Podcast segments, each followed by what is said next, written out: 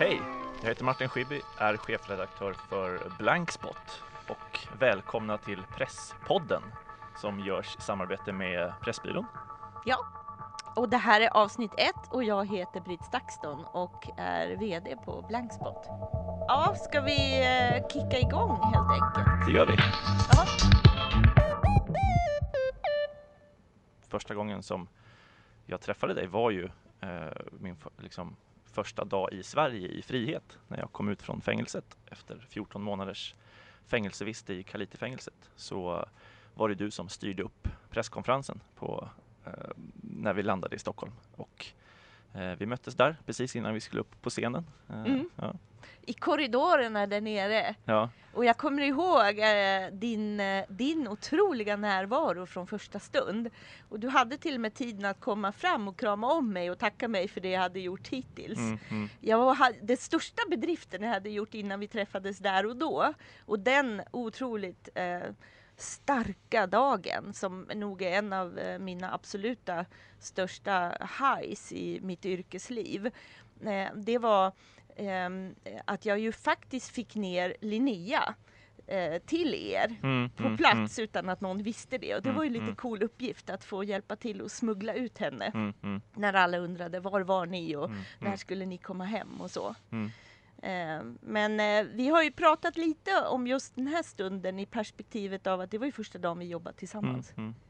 Mm, mm. Det var en lång dag, jag ville mest skicka hem er men det fina var ju att de anhöriga var på plats som lite bomull runt er så ni fick lite vilopauser. Mm. Men ni vill ju bara berätta Mm. och berätta. Nej, men det var ju verkligen en, eh, en sån otrolig känsla att plötsligt få tala fritt och det kände att det här gällde att ta tillvara på det. Att så länge det var någon mikrofon som rullade så ville man eh, liksom, mm, ja, men berätta om vad vi hade, vad vi hade varit med om. Eh, Ni höll Men på till klockan tio på kvällen. ja, ja. Nej, verkligen, det var en, en, eh, nej, men en dag man aldrig glömmer heller. Men sen var det också, det visste vi inte heller då, att vi senare skulle starta Blankspot tillsammans och att det föddes en massa men, trådar där och, och att en gemensam syn på, på journalistik och på behovet av de här, att de här berättelserna eh, blir gjorda och en, eh, men kanske framförallt när vi jobbade ihop med med boken sen och eh, liksom i arbetet för den, det här jätteintresset som, som fanns för journalistik över hela landet. Mm. Och att när sen rubrikerna kom att nu är journalistiken i kris eh, så tittade både du och jag på varandra och tänkte att det här stämmer ju inte. Nej. det här är ingen, finns ingen kris för intresset för journalistik, Nej. kanske för eh, gamla affärsmodeller och annat. Och, Ja. eh, då så drog vi igång och crowdfundade Blankspot som ju, som ju, som ju ledde hit.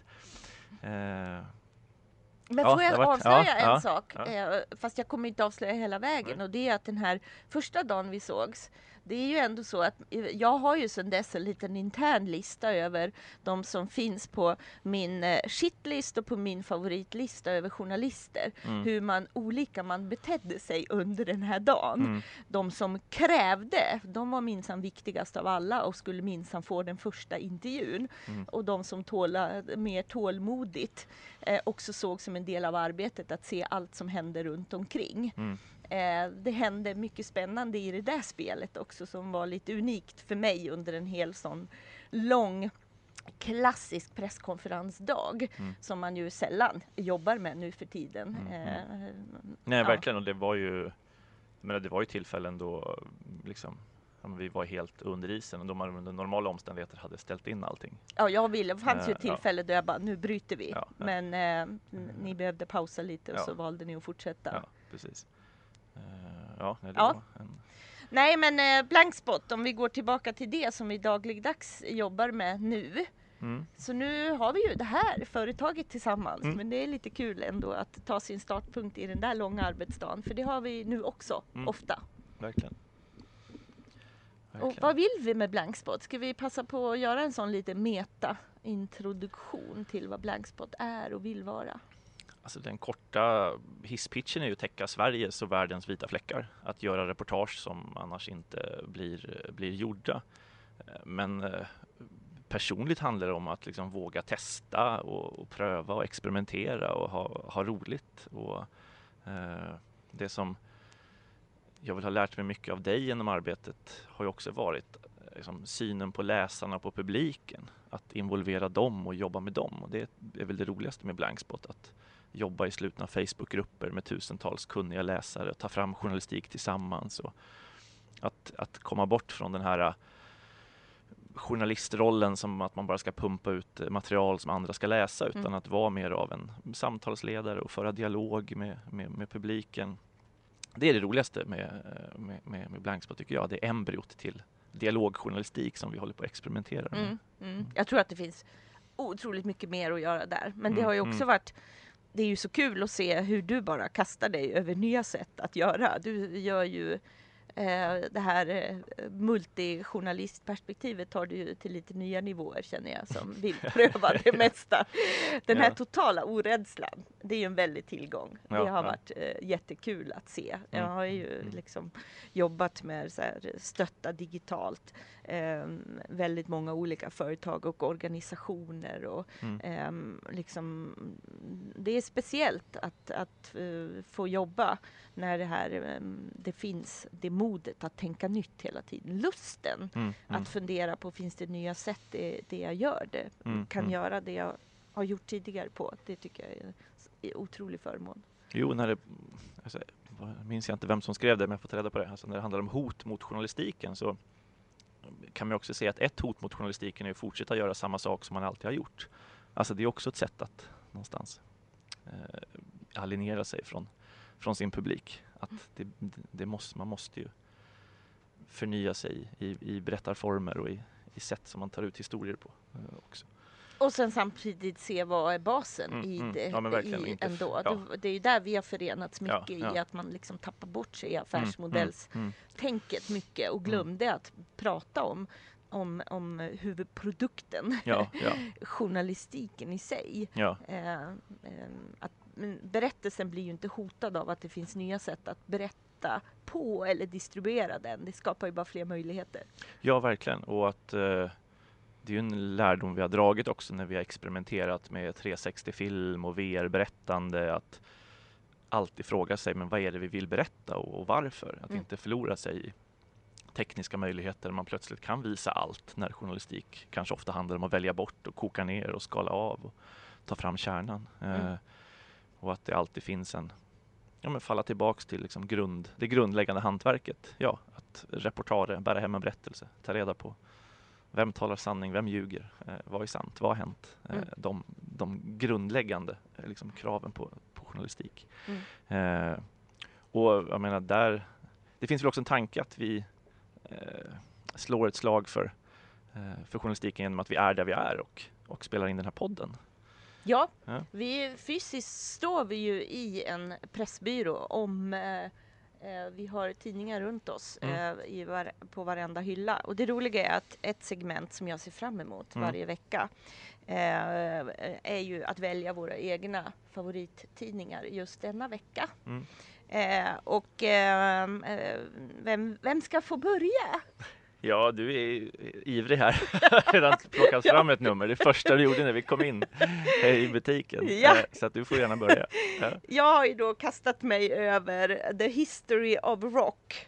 Eh, det kan jag väl avslöja att jag gärna eh, stoppar på mig en mängd tidningar så fort jag får en chans att åka tåg eller flyg. Mm, mm. Um, och um, det finns lite olika saker men en musiktidning smyger sig alltid med. Just den här gången har jag valt The History of Rock som fokuserar på 1986 och på omslaget har vi då Prince. Mm. Och så berättar man i den här utgåvan om vad som hände i Prince karriär 1986 och då eh, har det blivit officiellt att han bryter upp med The Revolution. Eh, och eh, så berättar man vart de olika bandmedlemmarna är på gång och vad han har på gång. Och det känns ju aktuellt eftersom jag precis har varit i Paisley Park mm. eh, och firat, hyllat Prince liv i eh, fyra dagar. Och för mig har det väl lika mycket varit att eh, pausa och fira mitt eget liv eller de människor som inte finns längre privat också mm. eh, vid sidan av Prince. Så det har ju varit en väldigt speciell upplevelse. Mm, mm.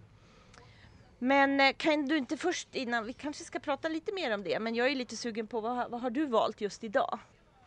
Jag hittade faktiskt en ny eh, som jag inte har, har sett innan. Eh, men Wooden Boat, The Magazine for Wooden Boat Owners.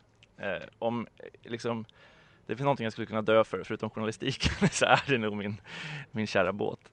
Eh, Som du köpte förra året va? Eller? Två ja, år jag har sedan? haft den i precis två säsonger. Ja. Eh, som är en, eh, en stor öka, en allmogebåt eh, med gaffelrigg eh, som är helt eh, Ja men det är det bästa jag gjort i hela mitt liv, att, att skaffa en, en träbåt. Apropå pausa i livet. apropå paus, apropå att det är en Alltså det är en öppen båt utan köl med en liksom bly som barlast vilket gör att den kräver absolut uppmärksamhet hela tiden. Du kan inte sitta och fippla med telefonen och segla, segla samtidigt. Du måste segla med lösa skot och vara beredd att släppa ut allting om det kommer byar och för att inte slå runt. Eh, nej men det är eh, Ja, det är eh, Du möter många båtnördar i den där världen också. Ja, jag vet inte om nördar är rätt ord för dem alltså. Men Båtologer absolut, tror jag det de är, heter. det är en speci ja, speciell... eh, ja men absolut, det är ett, eh, hantverk. ett hantverk. Ja, det är det Ja. verkligen. Eh, och jag är ju inte händig heller. Så det är också en utmaning för mig. Där jag utmanas. Att jag älskar ju att, att, segla och vara ute. Men Jag skulle lär mig. säga att det är ett väldigt utdöende yrke, men det är inte så att du kommer välja den Ja, yrkesbanan men jag har då. tankar om verkligen eh, man skulle känna så här, nej nu eh, struntar jag i journalistiken, då skulle jag vilja gå den här tvååriga båtbyggarutbildningen på Skeppsholmens folkhögskola och lära sig bygga, bygga sin egen eh, liksom, båt. Eh, vore ju en fantastisk kunskap att kunna. Men jag tror inte jag har tålamodet för det. Jag tror jag är lite för rastlös än, ännu för att kunna, kunna göra det. Men, eh, men absolut, det finns där som en, Det finns någonstans som en, som eh, som en dröm. Men Ja. alltså, ja, öppna horisonter och vind i seglen och det är det man Alltså allt med det ger eh, kraft. Jag drömmer bara om att få ut och plocka ut så tallbarr ur båten nu. Det ser jag fram emot. att bara sitta och, att, liksom inför att man ska kära den och få göra rent den. Alltså det är verkligen inget jobb utan ren, ja, men ren bara glädje och känna att så de här gamla historiska båtarna som användes av skärgårdsbefolkningen för att föra in liksom, ja, men, potatis och varor till Slussen och sälja. Att, att det fortfarande är en levande kultur som Mm. eh, att underhålls och tävlar med dem och, och, och så vidare. Det är också ett, ett kulturarv som man, som man för vidare någonstans. Man blir glad av att höra dig berätta om det. Ja. Ibland blir jag ju orolig. Du Ja. jobbar ju otroligt mycket. Ja, eh, Ja. ja. nej, men, det, men jag tänker också att man kan föra in lite jag borde börja filma lite mer när man seglar och lite sådär så att man kan eh, visa, visa upp det. Vi får se om det blir lite bilder i sommar, lite 360 från Cup, Ja. cup race seglingar med Ja. allmogebåtar. Fast det ska ju inte bli jobb här. Nej jag vet, det får Nej, inte bli jobb nej. men det är lätt att man ja, tänker ändå att man vill, Att man vill dokumentera, man det. vill göra lite mer nytta av det. Nej, våga bara Nej, pausa våga bara pausa. Det. är sant. Det är sant. Man ska inte göra det. Men ska Ja. jag berätta lite om min pausning som jag gjorde som Verkligen. kändes helt fel så mm, här mm. i eh, april. Eh, det är ju sådana tider på året och allt händer. Mm. Eh, och vi har ju en spännande heldag om medier och demokrati den 9 maj. Ja. Jättedålig timing att åka iväg just nu. Men Mm. eh, årsdagen av Prince eh, dödsdag den Mm. 21 april, den skedde ju nu. Mm. Och eh, Paisley Park, hans hem, öppnades under fyra dagar. Och försökte man göra ett event i samma anda som han själv har gjort regelbundet. Det vill säga öppna upp för att låta fansen komma och ha seminarier och konserter. Så att eh, The Revolution uppträdde ju till Mm, exempel. mm, mm. Eh, och det var ju absolut en av höjdpunkterna under de här dagarna. Eh, men för mig personligen var det förstås extra roligt att få höra panelen av de fyra personer som hade varit nyckelfigurer i hela hans webbutveckling Mm. från the very beginning. Och den här första snubben som jobbade med honom eh, från 94-95 sa ju att det han ville göra då är sånt som är möjligt nu. Mm. Eh, och det är också därför jag, det är en av aspekterna som har varit spännande med Prince. Mm. Vid sidan av förskräckelsen över att han eh, mm, valde eh, Jehovas vittne och så, som kändes mer komplicerat och mer att han gick tillbaka utvecklingsmässigt. Han var ju så väldigt mycket eh, inga gränser för något och så välja den typen av religion som har en ganska ålderdomlig syn på, på det mesta.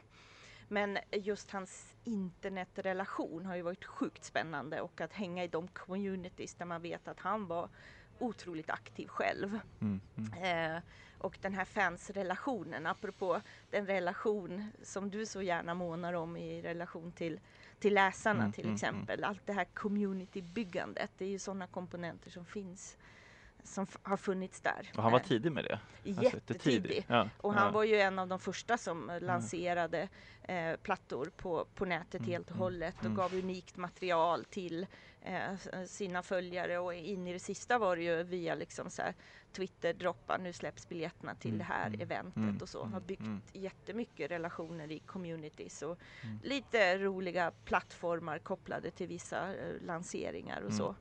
ehm, v- väldigt mycket experimenterat runt ehm, hur också musiken och distributionen runt det har förä- förändrades under, under hans karriär och så. Men det, det var ju väldigt speciellt, bitvis väldigt sorgligt. De näsdukar de delade ut eh, inför de här fem timmars passen som man dagligen hade. De behövdes i perioder. Det var otroligt starkt att få se honom i den här stora konserthallen som rymmer drygt eh, tusen personer. Mm. Ehm, att få se eh, fantastiska konserter och bli påmind om det musikaliska geni vi förlorat. Men också alla musiker på plats. Mm, mm. Alla han har jobbat med genom åren och deras tolkningar och eh, svårt eh, om man inte berörs bara för att man eh, själv tycker, man blir ju också påminn om alla personer som har gått bort i ens eget liv och så. Men eh, också att se deras egen sorgeprocess, de är ju mitt i den. Mm, Och jag tror vi var med om något unikt. Jag tror, även om de har en ambition att fortsätta med det här, så tror jag inte det kommer mm, bli så för att man vill väl inte sitta på en scen och ge minnen av Prince i, i oändlighet liksom. Mm, och mm. framförallt inte i en person som hade en så stark integritet. Mm. Men just nu är det en del av deras egen läkeprocess. Ja, Mm, mm. verkligen. Och det var en del otroligt starka framträdanden och på det hela avslutades med att eh, eh, de gjorde ett framträdande tillsammans med Prince som nästan var så här hologramartat framträdande som jag har sett några klipp på nätet finns men det, det ger ju inte samma effekt som att ha varit i det där rummet. Det var eh, stark avslutning. Men alltså Prince som hologram och så levande musiker Ja. omkring honom. Ja, alltså bort med alla bilder från den här konserten Mm, utom honom själv i fokus och plötsligt så hör man hans röst i Kiss som är en låt som inte är en av mina favoritlåtar ens. Men plötsligt känner man bara shit, nu låter det precis som det ska. Mm, Och sen kom han upp på bild då. Eh, och sen så eh, kör de som om han vore där eh, live. Mm, Eh, mm. I övrigt då. då. Eh, och så blev det ju Purple Rain förstås Mm, på slutet. Ja. Och det var och sen bara tändes ljusen och folk satt och grät och alla på scenen grät och ja, det var ett tillfälle att, att hylla någon som har gjort fantastisk musik men också påminna sig själv om att ta hand om livet Mm, och mm, faktiskt göra det bästa utav det. Mm. Ehm, och vår eh, värd genom det hela var en av hans nära vänner, Damaris Lewis. Och hon eh, avslutade det hela med att ehm, påminna om att eh, för liksom, ja men våga bryta eh, eh, barriärer, våga göra saker som man tror på. Och bli jätteglad om någon säger att du är weird. Mm, mm. Då ska man säga thank you. Och det tycker jag är en bra grej att bära med sig, att våga göra galna saker. Säga thank you. Ja, eh, och det roliga var att när vi åkte därifrån skulle vidare på någon efterfest där på kvällen, vilket man behövde efter den Ja. där eh, djupt eh, eh, berörande stunden. Eh, så berättade vi för taxichauffören att vi var från Sverige och hade varit här för de här dagarna. Och så säger taxichauffören You're weird. Och vi bara Thank you! Men jag tänker den andan ska vi fortsätta bära med oss. Det, är en bra, det är ett bra motto för, Ja. för podden och för Ja. livet. Ja, och jag tror verkligen. Mm. det var ju verkligen så. Han ville ju också förändra och lite som hon Damaris sa att här är vi, det här är en person som har fått oss att komma hit. Mm, Det här mm, kan vi alla förvalta mm, i smått och i stort liksom. Så att, det var bra energi och Mm. en bra pausning. Eh, påminna om men också vikten av fokus och hårt jobb. Liksom. Mm, Så mm, nu är jag mm. redo för fortsättningen. Mm. Ja, men jag, jag minns när, det kanske blir jobbigt för er att prata om, men när, när dödsbudet kom om Prince, Mm. hur vi satt på kontoret Mm. och både jag, jag och Nils Resare tittade på varandra och bara ingen av oss vågade säga någonting till dig. vi ville inte vara den som kom och sa Britt, prins är död. Alltså, vi kände bara så fick vi det via Ja, någon annan kanal. Men jag minns att vi under ett tyst ögonblick kom överens om att det här, det säger ni det här inte. säger vi inte. Nej. Nej. Nej. Ja. ja, Ja. så nu har jag avslö- avslöjat denna Mm. nördighet Mm, och mm. passion eh, ju. Mm, Men eh, ska vi ta in vår första gäst? det gör vi. För det Bara det blir hakar väl ju kul? på musiktemat. Mm. Eh, så vi säger väl hej till Ane Brun helt enkelt. Hej, Hej! Hej, hej. kul att vara här. Ja, vad jättefint att få ha dig här. Verkligen. Ja. Det ska bli spännande. Ja. Vi har ju pratat om det här med eh, att ett steg i taget, hur man förändrar. Eh, det är ju också lite det vi har förenats lite i, vad vi vill med det vi gör Mm. och så. Eh, och jag tror att du kan relatera till det. Absolut. Ehm, Det är väl lite den här känslan att väldigt många saker i livet och i världen kan kännas lite för stort att ta i. Men eh, det är alltid bäst att se det lite i perspektiv då och tänka att det börjar ju alltid med någonting. Liksom. Man börjar med ett litet steg och sen nästa steg och nästa steg och nästa steg. Och då kan det bli hanterbart på något sätt rent mentalt. att se problemen. Ehm, och jag, jag skrev en låt om det någon gång också. Det är som en, en bild på hur man förändrar saker från det lilla till, till plötsligt stå i förändringen. Ja. Ehm, så, ehm, Och det var det som var starkt inspirerat av arabiska våren. ja, jag skrev den runt eh, när alla de här länderna gjorde revolution. Ja. Och ehm, jag kommer ihåg jag sjöng, det är ju faktiskt lite ledsamt att tänka på idag för jag sjöng in den texten samma dag som Syrien liksom började. ehm, så- ja, när det började hända i Syrien Mm. och eh, alltså deras revolution innan det blev krig. Mm. Eh, Jag tänker på vad som hänt sedan dess. Det är ju lite ledsamt att tänka på. Eh, Men ehm, så allt, det var liksom någonstans, jag hade en slags skiss över den här texten, en idé. Och sen kom det, kom det här världsläget in med revolutionerna och så blev det som att det passade ihop. Så det inspirerade mig. Det blev som en energi som sköts in i texten. Som gjorde att den blev klar. Och låten också. Mm. Mm. Berätta lite om var du befinner dig just nu. Vad gör du? Jag håller på och avslutar en skiva med massa covers. Så jag har haft ett år eh, där jag inte skrivit jättemycket eget. Eh, jag ehm, har gjort covers för att jag inte orkat skriva eget. för att få kunna vara kreativ. Ja. Ehm, och den ska försöka, släppas någon gång i år, tror jag. Slutet på året någon gång. Ehm, samtidigt har jag massa andra så här, samarbeten som jag håller på med hela tiden kontinuerligt. Så här, folk, en i USA och några här, några i Norge. Så man håller på liksom har, har saker att göra. Och det är kul när det är kreativa uppdrag som på något sätt hela tiden pågår. Så man, så vad ska jag göra då? Jo, jag ska spela in det här och jag ska skriva det här. Så det är väldigt, väldigt härligt. Eh, det här jobbet in som mus- musiker, om någon har undrat vad jag gör. Ja. det är ju, innehåller ju väldigt mycket som inte handlar om musik också. Eh, det här till exempel. Ja. Men det här Ja. är ju väldigt kul tycker Ja. jag. Jag älskar Ja. att göra radio och sånt där. Eh, men det bästa är ju när man får musicera. Det är liksom hela grunden. Men du gör mycket i samarbetsform, har alltid gjort. Ja, både och egentligen. Jag är Mm. väldigt, har varit väldigt, eh, ska jag säga, sk- skyddande för min konst på ett sätt. För jag har skrivit allt själv Mm. i min grotta på Mariaberget. Mm. eh, men jag har börjat släppa upp lite mer. Jag har börjat inse att det kan vara kul att skriva med andra. För att i- skrivprocessen för mig har varit väldigt meditativ och väldigt så här intuitiv. Och det har jag liksom inte kunnat kombinera med att sitta med någon annan har jag känt. Det har varit väldigt så här liksom, jag sätter på en mick på räck och så håller jag på i flera timmar och bara improviserar tills det kommer något som funkar och så fortsätter jag liksom. Och det jag har aldrig känt att jag vill bjuda in någon i det. Men nu har jag börjat eh, göra det och det är väldigt spännande. Till och med i samma rum har jag gjort det nu. Vilket är väldigt spännande. Så långt? Ja. Så det är jättehäftigt. Det händer, då blir det som en, då blir man satt lite mer på vad ska man säga, kanten av stupet. Man måste liksom verkligen göra någonting. Eh, och det kan ju, det är kul också. Mm. Så, men ehm, Hur nära kommer, låter du dina lyssnare komma då? Jag pratade innan här om Prince och Mm. pratade mycket om hur han har använt nätet otroligt länge men också i, i relation till eh, sina fans. Mm. Och, och Martin tycker ju en av de stora fördelarna i ditt jobb nu är ju hur du kan jobba med läsarna Mm. i, Mm. i, via digitala kanaler och så. Hur Mm. jobbar du med det? Jag har mina Instagram och min Facebook och så, Twitter. Eh, som är ganska synkade fast vissa saker passar bättre till Instagram och vissa passar bättre på Twitter och så.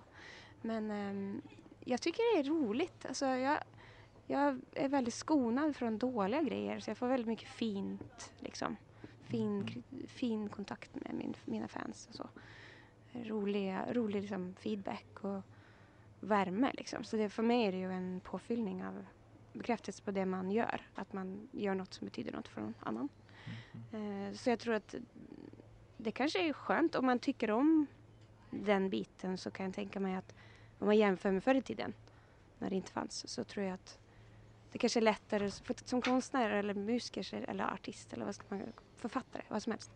Så tror jag att eh, för att kunna behålla sin identitet och eh, självkänsla i det man gör så måste man någonstans kommunicera. Och jag vet att det är typiskt människor som sitter och jobbar med skiva i ett år och, en, och de känner så här, jag vet inte vad det här är, jag känner, ingen, känner ingenting för det, jag vet inte vad det är. Och så frågar jag, har du spelat upp det för någon? Nej. Mm. Mm. Och så bara, men Nej. du måste, du måste ha kommunikation för Ja. att annars kommer du inte veta om det lever liksom. Mm. Eh, och också rent med identitet, att som musiker eller författare att det är väldigt svårt att känna sig som en musiker eller en, en konstnär om inte man förmedlar det. Mm. Har jag kommit fram till i alla fall. Att man kan lätt tappa tron på att man ens får kalla sig det. Om inte någon annan får uppleva det man gör. Yttrandefrihet eller pressfrihet bygger på att det finns en läsare eller en Mm. lyssnare eller en Precis. tittare. Annars blir det ju ingen... Alltså det behövs ju Ja. eh, för att ja, verket ska så att säga äga rum eller Precis. Liksom att det det ska s- spela någon roll. Ja. Precis. Eh, Jag tror att det, det är skillnad. Man skriver en dagbok men det gör man inte för, Ja, sig, nej. för andra än sig själv. Nej. Men om man ska skriva något som på något sätt, jag vet inte, Mm, mm, ska vidare. mm, Mm. mm. Jag är ju, måste jag erkänna, komplett musikalisk eh, analfabet. Eh, men jag har ju Okej. en bra förklaring till det. jag, det är bra. jag, nej, men jag växte upp i Botswana i södra Afrika under de här åren då de flesta, då man Ah. skaffar sig en musiksmak. Ja, ja, okej. Eh, och jag menar, lyssnade inte, såg inte på MTV och lyssnade Nej. inte på radio utan där på, där på skolgården så gällde det att kunna ja, men afrikanska antiloper, Ja, ormar. ja, det var det som Mm. var liksom, ja men det där är en sån skorpion och det där Ja, är en sån antilop. Och, och det där var jag liksom ruskigt bra på. Mhm. Men sen när vi flyttade hem till Sverige och, och liksom kom in i ett svenskt mellanstadium och du vet, hade, visste inte vilka Skorpioner landar men inte så väl. Skorpioner landar inte så väl och dessutom vilka är de här, liksom, jag har då New Kids on the Block, hade, Ja. visste inte vilka det var, visste inte vem Madonna var, Nej. visste inte vem Michael Jackson var. Mm. Alltså var helt blank Mm. och alla mina kunskaper var helt, det var ingen som uppskattade.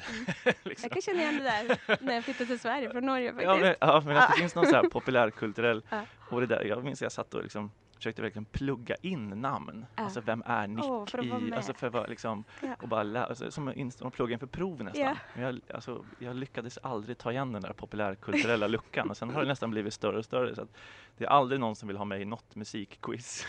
Om jag ska jag får aldrig vara med i något lag. Men, men, Jag men får aldrig vara med i något. nej, jag får aldrig vara med i något lag. Det är ingen som vill ha mig. Det är så här, välja lag. Ingen vill vara i mitt lag. men Det är musikquiz. Men jag ska, jag ska landa, landa berättelsen. För jag kommer komma till en, en, eh, med kärlek till, till musiken. För när jag väl satt, eh, satt inspärrad i fängelset Mm. eh, så fick vi bara lyssna på ja, propaganda. Det var ju nationalsånger, militära marscher i såna här megafonhögtalare, Ja. andra världskriget högtalare. Eh, och då uppstod ju ändå idén där att men tänk om vi skulle kunna få in någon annan typ av musik. Eh, så att eh, vi gjorde ju en liten undersökning av de andra 800 tungt kriminella i vår zon och liksom fråga vad vill ni lyssna på? Mm. Eh, och det de ville lyssna på var ju så Justin Bieber eh, och så ville de lyssna på eh, Titanic-låten som de sa. Alltså så här Celine Dion, My ja. Heart Will Go On. Oj, oj. Och så ville de ha in se henne, Rihanna. Eh, Häftigt. och först var man så här, men shit, eh, det här är, vad är det här för bluffkriminella? Liksom. Ta in. Men vi fick fram de här skivorna och det var en censor som liksom skulle godkänna dem politiskt. Mm. Och det tog tre veckor för honom att gå igenom Justin Biebers Baby, men vi fick in den. Så, så att, men ett av mina nästan första musikminnen, det kan låta sjukt att säga, eller starkaste musikminnen är ändå, vi står liksom alla 800, två och två ska räknas in. Och så är det så här, solen liksom, men, står ganska lågt i de här långa skuggorna. Och så kommer det ur de här liksom spruckna högtalarna, inte marschmusik utan det kommer Rihannas Man Down och alla 800 sjunger med I'm a criminal, criminal, criminal, judge please give me minimal, minimal, minimal. Wow.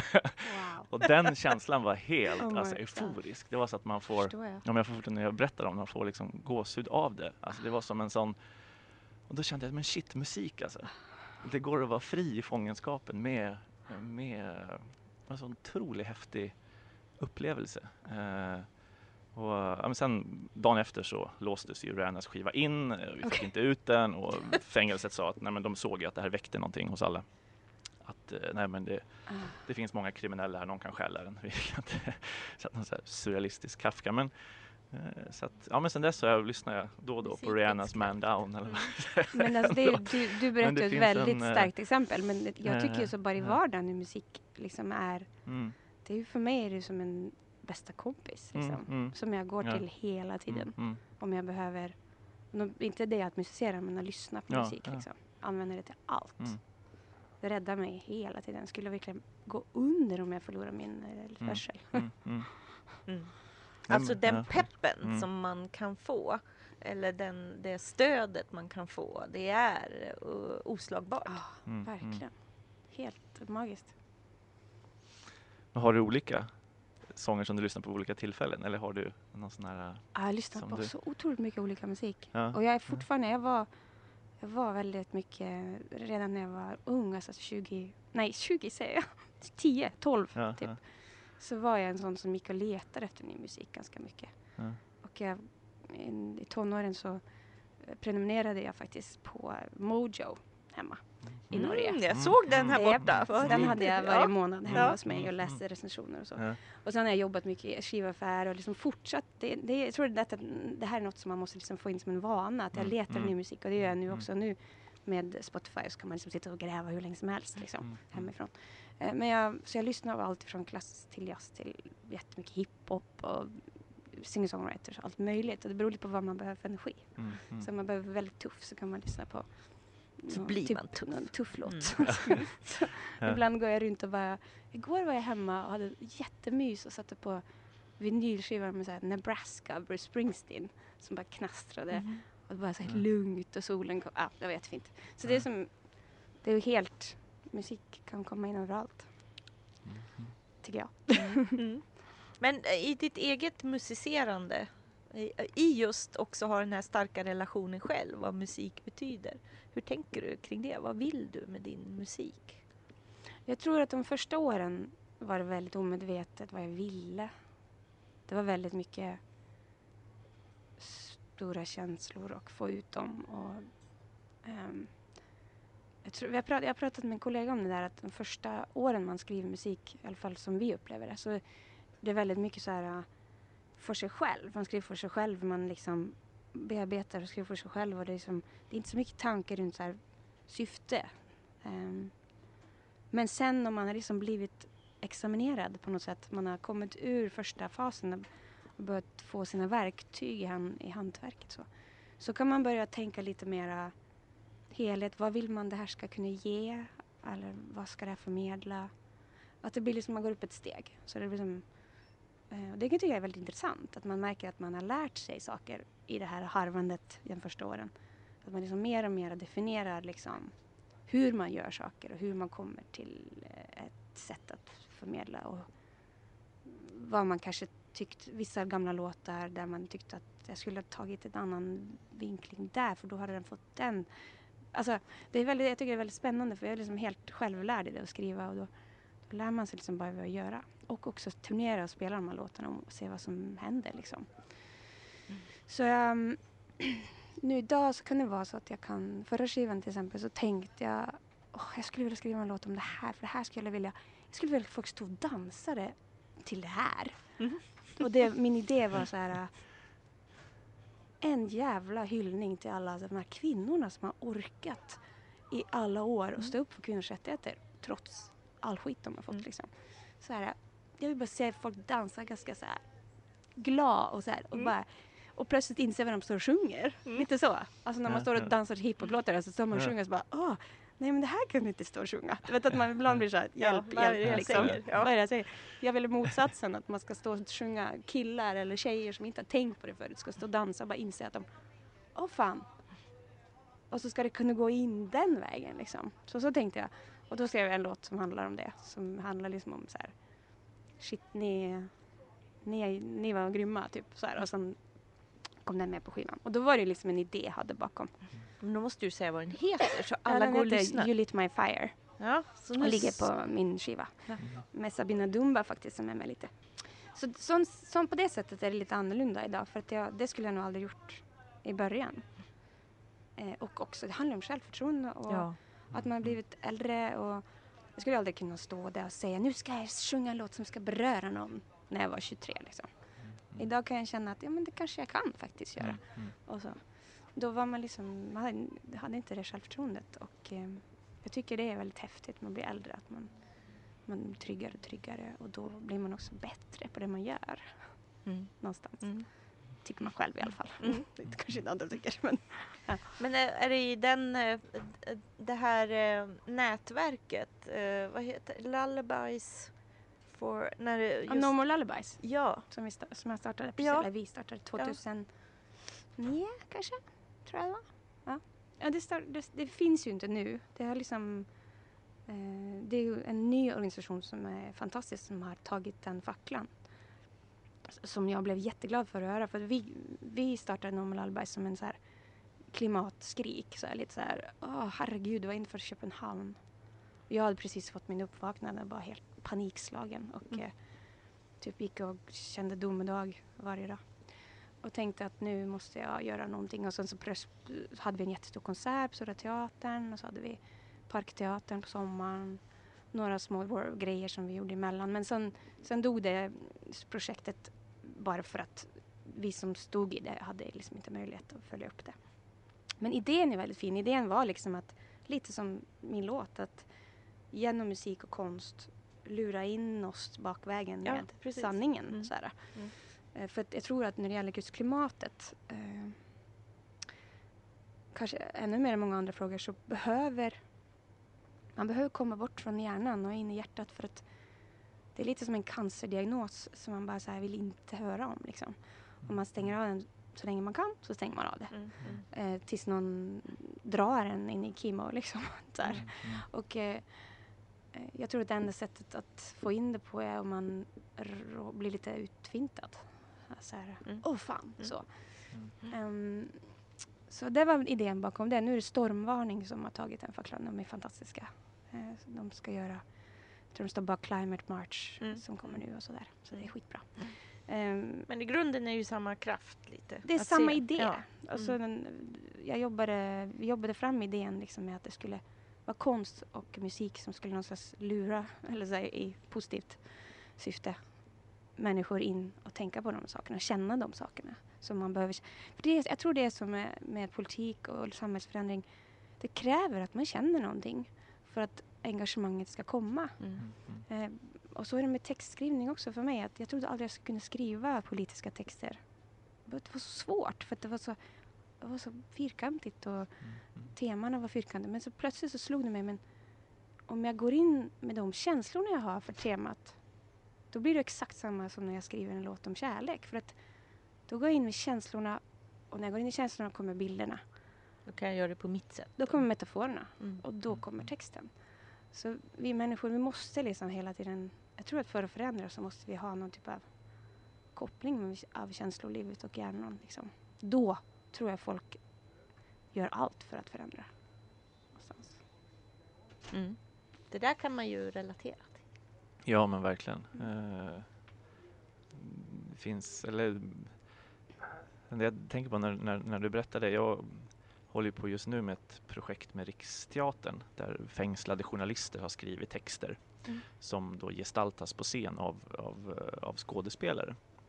Eh, och jag, menar, jag har ju läst de texterna när de liksom smugglades ut från fängelset och känt att ja, men det här är väldigt starka texter. Mm. Men just att se dem gestaltas på en scen av de här skådespelarna, det gör att de får en sån förhöjd, alltså då tar de i magen Mm. eh, på ett sätt som Mm. gör att man blir, ja men till och med jag, men shit, Ja. de här människorna är ju inlåsta. Ja. Alltså fast jag liksom intellektuellt i huvudet har liksom förstått och jobbat Mm. med det och det är viktigt och vi måste få ut de här orden och så. Men det, ja, det, är, det är någonting där som jag tror du har helt rätt i att det krävs. Att man når fram till liksom magen hos, hos människor för att, för att få folk att känna, att agera. Ja. Och jag tror Att det- just ja, nu ja. så är det så mycket lidande runt oss. Vi ser det hela tiden. Liksom Mm, mm, flyktingar och hur vi har stängt gränserna. Och jag Mm, tror folk mm, liksom mm. går och försöker stänga av det där så mycket de mm, kan. mm, Men det ligger ju väldigt stora känslor bakom Mm. den stängda dörren. mm. Jag tror väldigt många människor mår inte så bra av det. Alltså, det, Mm. det här är en liten tryckkokare som vi går och känner på. Mm. Hur Nej. vi ser hur vi behandlar människor liksom, Mm, faktiskt. Som eh, samhälle eller EU eller vad ska man säga. Mm.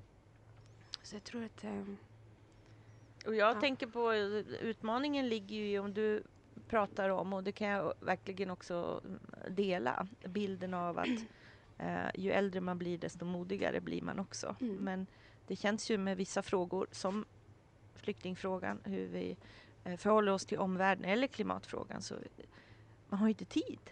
Man skulle vilja att man känner tidigare, att människor tidigare känner att man kan just ta det här steget själv också. mm. Vad, vad kan vi göra, tro? Ja, det är lite samma som det vi började snacka om med ett steg i taget. Alltså jag tror att man måste gå ner till lite makronivå och se så här. Ska jag rädda hela världen eller ska jag hjälpa kanske någon eller tre eller kanske jag ska åtminstone stödja de här organisationerna. Att man kan börja där. Men de som faktiskt har heltidsjobb för att göra de här sakerna. Så kan man ju gå in och stödja Blankspot till exempel. Mm, mm, Såna- Du är Ja, blankspottare? absolut. Ja, Så ja. början. Från tidigt, eller? Ja. En av de Mm. första? Mm. Ja, det Jag blev så peppad. Ja. när jag läste om det. Ja, men berätta, vad var det du kände dig peppad för? Liksom lite... Nej, men det är väl, det är väl att, att kunna... Dels för att det var tunga journalister, så det var bra journalister som kunde gå runt alla... Liksom, det är lite, jag vet inte, jag kunde relatera till lite för jag har alltid haft eget skivbolag. Jag har aldrig behövt snacka med något stort skivbolag. Jag har alltid du har haft eget sedan Alltid. 2003. Tre. Ja. Ja. Mm. Så jag har aldrig behövt liksom, gå till huvudkontoret och säga Nej, hej, nej. får jag göra det här nu? Nej, nej. Och så var det som att, liksom, och jag vet hur mycket jag har kunnat göra på grund av det. Ja. Så Åh, någonstans... vilken fin. Ja, men lite Ja, så. Jag, jag liksom, Ja. Och att jag kunnat agera snabbt. Mm. Agera på känsla, magkänsla. Bara, jag och min manager har jobbat tillsammans nu i vad blir det, 15 år. Så här, vi ringer varandra. Ska vi inte göra det här? Mm, mm, Jo, men det gör vi. Ja, men gör det imorgon. mm. Ja, det gör vi. Och så kan man inte göra om man har ett stort skivbolag. Nej, Och jag tror det är samma för er. Att ni ska göra en artikel Mm, eller en, mm. en granskning så kan ni ringa varandra och säga vi borde göra något på det här. Mm, mm, Ska vi göra det? Ja, Mm. men jag ringer den där. Mm, Ja, kul. mm. Då gör vi det. Jag åker imorgon. mm, Och så är det klart. mm, mm. Och då blir saker gjorda. Mm. Helt enkelt. Jo, Och gjorda innan kanske andra gånger och viktigt ibland att det blir gjort fort Mm. och snabbt och så. Mm. Så jag blev peppad på självständigheten i projektet. Att Mm, man mm. var fri att eh, och inte behöva tänka på så här, vad är trendigt att skriva om? Mm. Mm. Vilka länder är det som är trendiga att skriva om? Att ni letar där, där ni ser ett behov. Mm. Det tyckte jag var spännande. Det här måste vi spela upp när vi känner Ja. det. Nu känner det, peppen. liksom. Det här kan, det blir musik. Ja. ja. Men hur ser dina medievanor ut annars? Hur, de här, blir det för mycket? Stänger du av? Eller hur, Alltså jag hur hittade en jättebra app som heter Text-TV. Ja, det är Den är grym. Ja. Ja. SVTs Text-TV på telefonen. Det är så här ja, lagom. det finns som Alltså det är så skönt. Jaha, För då inte. får man alla huvudnyheterna utan bilder. Det är Ja. bara text. Texten. Ja. Och man kan så här snabbt kolla framsidan, inrikes, utrikes. Så här. Och sen så om det är något som jag vill läsa mer om så går jag in och kollar andra medier.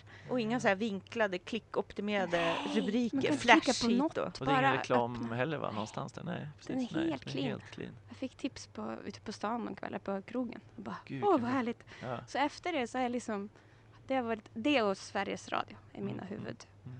Jag lyssnar väldigt mycket på radio, Mm. poddar och radio. Eh, och eh, läser, mm,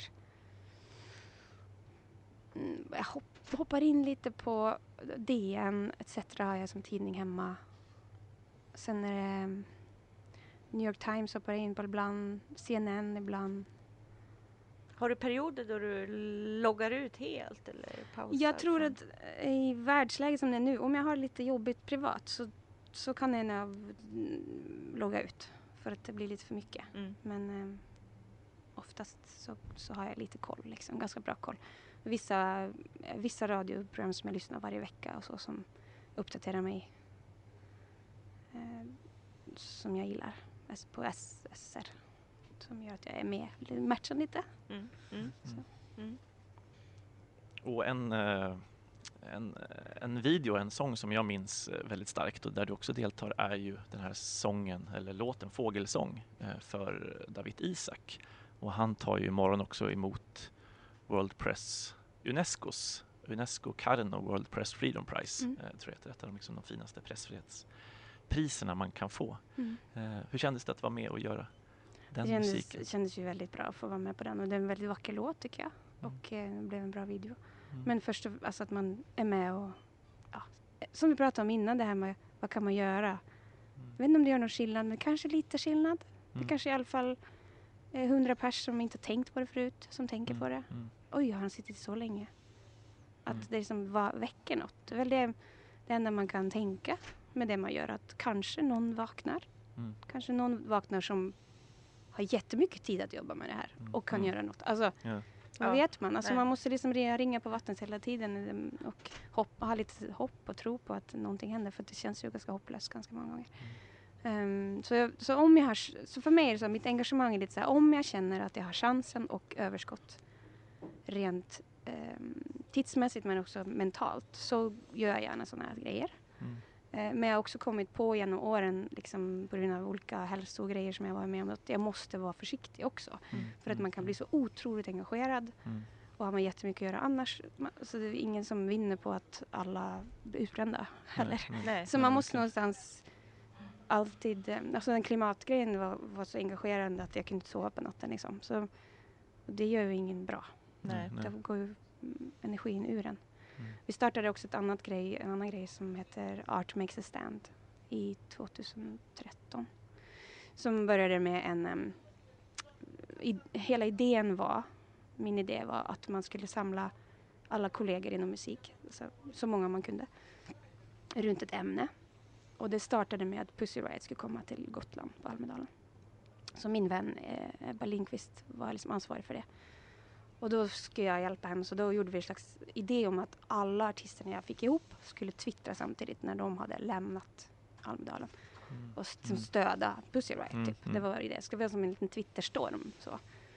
Så, um, så det var liksom konceptet, att man använder social media som en, en storm. Att Mm. liksom stora namn twittrar samtidigt. Så att det bara flödar ut över Mm. liksom, Twittervärlden. Eller vad säga.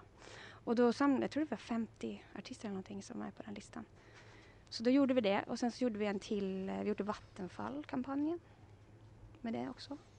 Men då var det så att jag tycker det är en fantastisk idé faktiskt. Jag är jättepeppad på den idén men jag insåg ganska snabbt att jag kan inte stå i den här idén för att det, det höll inte för mig rent Mm. personligt och Mm. jobb, jobba så engagerad. Så jag måste hela tiden, liksom, jag är så, nu är jag så här punktsjobbare lite mer. Mm, Går in mm. och ut och in och ut så Mm. mycket jag kan. Eh, och sen tänka att musiken också får vara en del av det och Exakt. påverka. Liksom. Mm, mm, Alltså gå in som ett startskott. Ja, Ofta. det kan man är göra. ju så. också Mm. som bär vidare. Precis. Så, Eh, um, jag tror att jag har träffat så många utbrända klimatkämpar Mm, liksom, mm, som bara kämpar till de faller. Ja, och i flyktingfrågan. flyktingfrågan. Ja. Alltså Ja, verkligen Mm. folk som har här, fighting mode i ett år eller Mm. någonting och så. Mm, mm. Och jag funderar jättemycket på vad som kommer hända med dem inför nästa val. Ja. Vem tror man på när Ja. man har känt också kanske själv att här samlade vi in 8 miljoner på en vecka. Mm. Och vad gjorde politikerna egentligen? Så att om vi liksom oroar oss för utvecklingen och vi ser att vi vart man är på väg så kan man ju verkligen fundera på vad hände med Ja, dem som också kände att liksom, Mm, mm. ja, ehm, kanske inte välkomnades av andra partier på det sätt som man hade kunnat tänka Mm. sig för de stod ju på tröskeln till ett politiskt, partipolitiskt engagemang om mm. de hade känt sig Ja.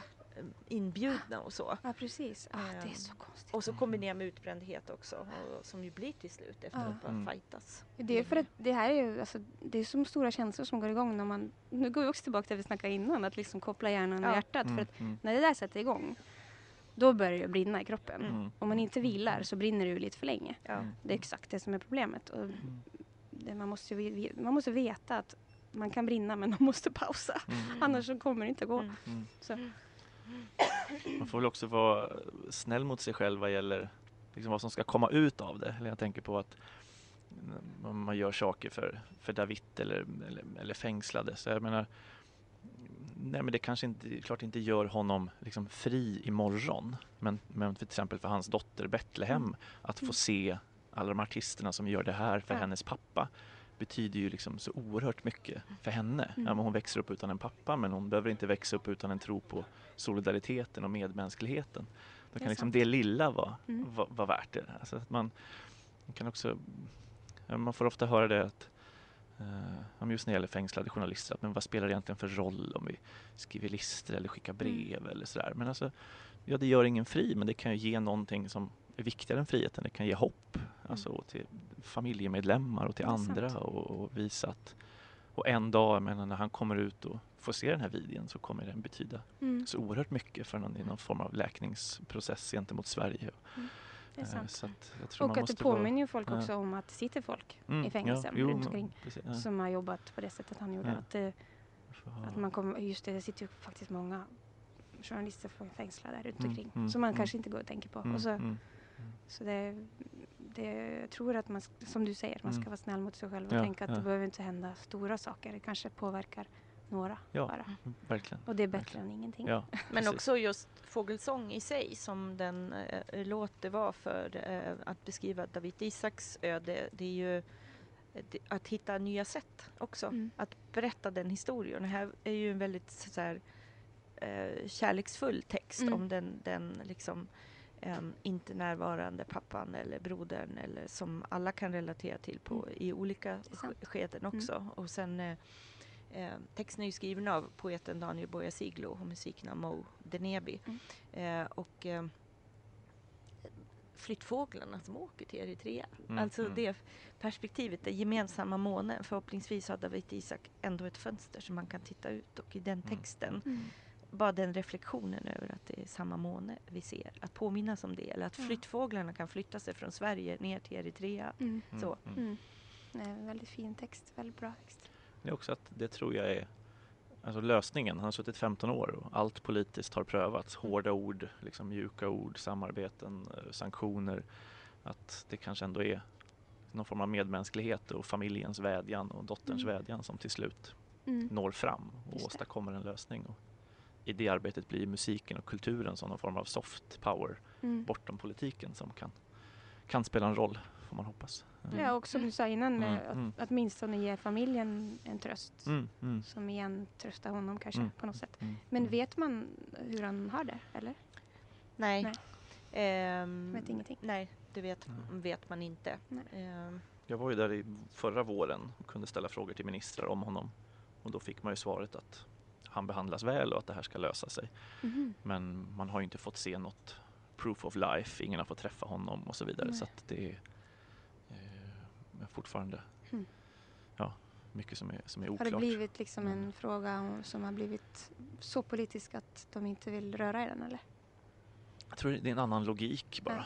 Alltså en helt annan logik och ett helt annat sätt att se på eh, nationens säkerhet Mm. eh, visavi journalistik. Eh, men att ändå, ja, nu har det ändå gått 15 år så att vad man än anser honom skyldig till så är 15 år väldigt mycket. Ja. Han har liksom suttit sin tid kan man tycka Mm. även i ett eritreanskt perspektiv. Mm. Vilket ju borde möjliggöra för en lösning. Så att, men jag är optimist. Ja. Jag trodde ju att han skulle släppas i fjol. Jag tror Mm. han släpps i år. ja. Att, eller man måste ju ändå Ja, måste ju sätta vara. upp sina Mm. mål och, och, och, och jobba Mm. mot. Eh, Mm. att, att, ja, men det, man får se små positiva tecken. Mm. De är inte lika, i sina svar så säger inte ministrar heller att men han är landsförrädare, han ska ruttna bort. Utan de säger precis han behandlas väl, det här kommer lösa sig. Och det är ändå någonting vunnet med det. Mm. Relationen någonstans där är, är Och det har bättre. förändrats lite? Det har förändrats Mm. sista åren tycker jag. Eh, Att deras officiella retorik som vi kunde rapportera om förra våren. Men jag har ju sökt vis, pressvisum igen, hoppas Mm. kunna återvända till Eritrea. Mm. Söka mer svar i den frågan. Men det är en viktig dag imorgon, pressfrihetens dag. Mm, mm. Och att vi påminner oss själva om vilken lyx att vi har den yttrandefrihet vi har. Ja. Och vad, vad den fria pressen betyder i demokratier och så. Mm. Ja, vi måste ju tacka dig för att du tog dig tid att var vara här. En stor Verkligen. ära att få vara med i första Verkligen. programmet. Ja, jag säga. vi ser vart, det- vart det här hamnar så Mm. småningom. Men vi är superglada för den här stunden med dig och Mm. var rädd om dig. Ja, Mm, mm. det är Och- jag. Spännande med nya plattan. Ja, det blir jättekul. Ja, lycka till med allt.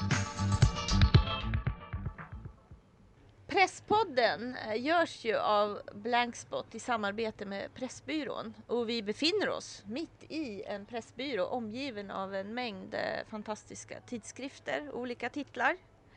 Eh, och just den här Pressbyrån så har vi med oss köpmannen Malin Lövgren. Välkommen! Tackar och välkomna till oss här Eller hur? Ja. Modgallerian. Ja. Ja. Jättehärligt att vara här. Eh, när vi har träffat dig inför den här podden så har det ju varit tydligt att du har en jättepassion för tidskrifter. Första gången jag träffade dig så bara lyste det i dina ögon. Mm. Berätta om den här Mm. passionen. Ja, men det är nog en, eh, den här första riktiga ungdomskärleken som kanske... Alltså jag började jobba lite extra i en eh, tidningsaffär på Odengatan. Eh, och sen har jag jobbat alla helger, alla somrar, allting liksom och det bara fortsatte och fortsatte. Jag liksom... ja, det bara... Det var bara kärlek vid första ögonkastet när det gäller tidningarna. Så sommarjobbet blev ditt liv? Ja, så direkt när jag tog studenten så fick jag praktiskt taget nycklarna till första butiken då, då det drevs i egen regi eh, på Kungsgatan. Och eh, så drev jag den i många år och sen så flyttade jag tillbaka till eh, Gallerian och, eh, och nu är jag här. Men det har varit många butiker Mm. och varit köpman sedan 2004 Mm. i. När jag kom in här i, eh, i morse och liksom butiken precis öppnade så eh, kom det som ut som, inte en fax, men en stor skrivare. Och så skrevs det ut en, vad var det, Singapore, nej, Det var var? Corriere della Sera från eh, Italien. Ja, precis, en eh, liksom, eh, tidning och det visar verkligen att din eh, liksom, butik är ju lite nischad på, du har ett otroligt liksom, rik eh, tidskriftsflora här och det du inte har liksom, kan du printa ut till, till speciella kunder som, Mm. som önskar få de tidningarna liksom, i handen direkt när de kommer ut från, från tryckeriet. Eh, jag tänkte bara nyfiken på eh, eftersom du har, har säga, haft och drivit och tidskrifts eh, ja, sålt tidskrifter så länge, vad du ser för, för, för trender eller för, eh, för, för vindar som, som blåser om du jämför nu med när, det, när, när du drog igång? Många kanske mer mainstream-titlar går ju inte längre lika bra. Mm. Det är ju så. Det, just nu så är det ju faktiskt så att vi har så lite tid. Tid är ju den absolut det mest dyrbara vi har. Mm, mm, Och eftersom tiden inte riktigt räcker till i våra liv och vi är mer stressade än någonsin och alltså det här Mm, livspusslet mm. som vi ska få ihop. Men det här med tidskrifter, just att ha ett intresse, en hobby, en, alltså just att, att köpa tidningar för sitt specialintresse. Där ska det just bli det här att det, ju nördigare desto bättre. Mm, Ju mer mm, nischat desto bättre. Mm. Men man kanske inte har riktigt tiden att just bara lite mainstream bläddra bland tidningarna på det sättet längre. Så liksom Eh, allmänna musiktidningar tror du kommer få det tuffare men däremot om man är liksom extremt nischad och mot en viss typ eller Precis, hur, ja, hur långt ner går den nischningen? Liksom? Vad, är, vad är det mest vad är det mest speciella? Vi har ju en tidning där det, som handlar om hur man överlever i amerikanska vildmarken till exempel. Mm. Den känns lite nischad. Ja. Mm, och, eh, eh, det kan vara tyska korsordstidningar eller det kan vara amatörradiotidningar eller och så vidare och så vidare. Men sen Mm. även inom historia eller inom vetenskap, så, jag menar alla de här och även inom musik naturligtvis. Mm, Det blir ju mm, mer och mm, mer, alltså ju smalare desto mer speciellt blir det. Sen kan det ju vara tufft för de tidningarna att hitta annonsörer och så vidare och nå ut till, eh, till sin publik, absolut. Men jag brukar alltid när journalister frågar mig och säger så här, men hur ska man börja som frilansjournalist? Så brukar jag alltid säga hur jag själv gjorde. Jag gick in på en Pressbyrån och så köpte jag bara en tidning av allting. Alltså Mm. även om vi är ett litet språkområde så har vi en sån otrolig tidningsflora i, i Sverige. Det finns ju tidningar om precis allting. Och sen när man satt man där med en hundtidning och med en ja, tidning om allt möjligt och sen så tänkte man okej, men nu ska jag till Nepal. Vad finns i det landet för den här tidningen? Jo, det finns gatuhundar. Ja, men hur är rabiessituationen? Ja, alltså hitta en publik som är intresserad av det. Och sen så liksom hitta en ja, tidning om eh, landets första homosexuella parlamentariker till tidningen Ottar eller alltså att man eh, sådär, det är ändå mitt som ett tips jag brukar ge till journalister att man glömmer det ibland. Otroligt. Och så har vi hela liksom, ja, men, organisationspressen och liksom, det finns så mycket tidskrifter ändå i Sverige för att vara ett sånt litet språk. Jag tror att man som just svensk frilansare är väldigt privilegierad på så sätt jämfört med om man skriver på engelska eller andra språk. Att, ja, dels är konkurrensen mycket, mycket större där men att jag vet inte om man kan räkna på det men skulle, om det finns några tidskrifter per capita så tror jag vi ligger ganska högt ändå i Sverige. Säkert. Ja, ja. Säkert. Ja, men tack Malin för att vi får vara här hos Mm. dig i din alldeles egna pressbyrå. Tack så mycket. Då säger vi tack och hej Tack! för det första avsnittet i Presspodden Ja. som Blankspot gör i samarbete med Pressbyrån. Mm. Eh, vi kan väl puffa för två saker. Imorgon är det pressfrihetens dag och då är det halva priset på alla tidningar och tidskrifter i Pressbyrån. Så man måste ju passa på att gå in i Pressbyrån Tokhandla. och Ja, tokhandla. och verkligen, hitta sin egen Ja. eh, favorittidskrift. verkligen. Och sen vill vi ju att alla ni som lyssnar hör av er. Eh, Vi vill ju ha lyssnarfrågor och Mm. veta vad ni vill att vi ska prata om, spana på, förslag till gäster, eh, hittas. Ja, vi älskar att få mejl eller tweets eller brev. Ja. Ja. Och då eh, mejla till presspodden at blankspot.se Presspodden blankspot.se. Ja. Yes. Och sen måste vi ju puffa för den 9 maj. Ja. Då Blankspot firar två år. Ja. Eh, och då har vi ju en hel dag om medier och demokratiutveckling. Mm. Det är en otroligt eh, mastig, rolig dag. Mm, mm. Eh, där vi också vill att eh, publiken blir en del av vad, hur ska vi hantera eh, det som händer och sker. Precis. Så kika på det, gå in på blankspot.se. Men då säger vi Tack och hej! Om du ej kan se fångarna de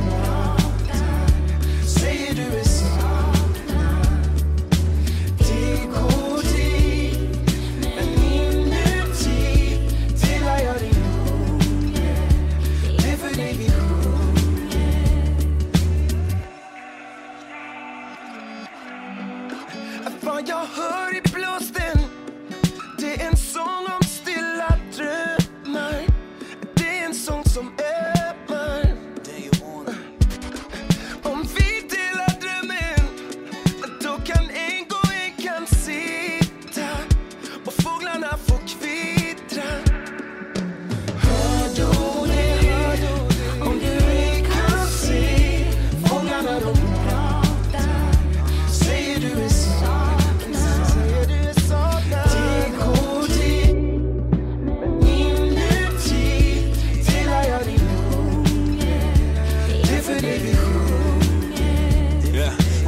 tystad måste vi tala. Vår mardröm, någon annans vardag. Det är för lågt, lågt under vår radar. Men när det blåser hårt det kommer gråt. Och i vinden en viskning, den når mig pekar ut en riktning. Där fågelvägen ovan träden, det är mycket riktigt. Jag tänker att det blir på riktigt. Om du kan tänka det då du är. Vi måste drömma stort, för din yta är trång försöker fängsla en fågelsång Men alla vet de ljuger. Testa din röst för den duger Och bror se hur vackert den ljuder försöker fängsla en fågelsång. Kan de fängsla alla fåglarna på en gång? Så vi sjunger nu. Hör du det? Jag hör det. Om du ej kan se. Om du ej kan se. mm. Säger du är saknad Säger du är saknad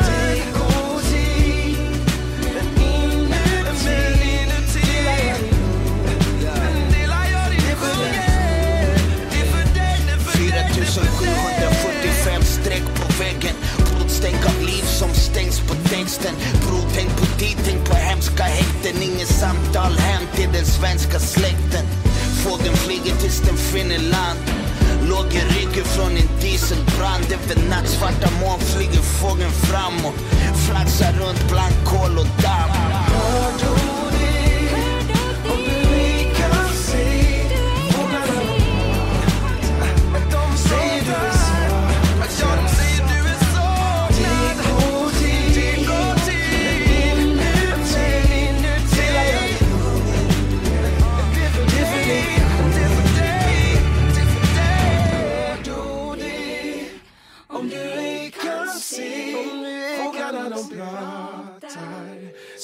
spirit soft now.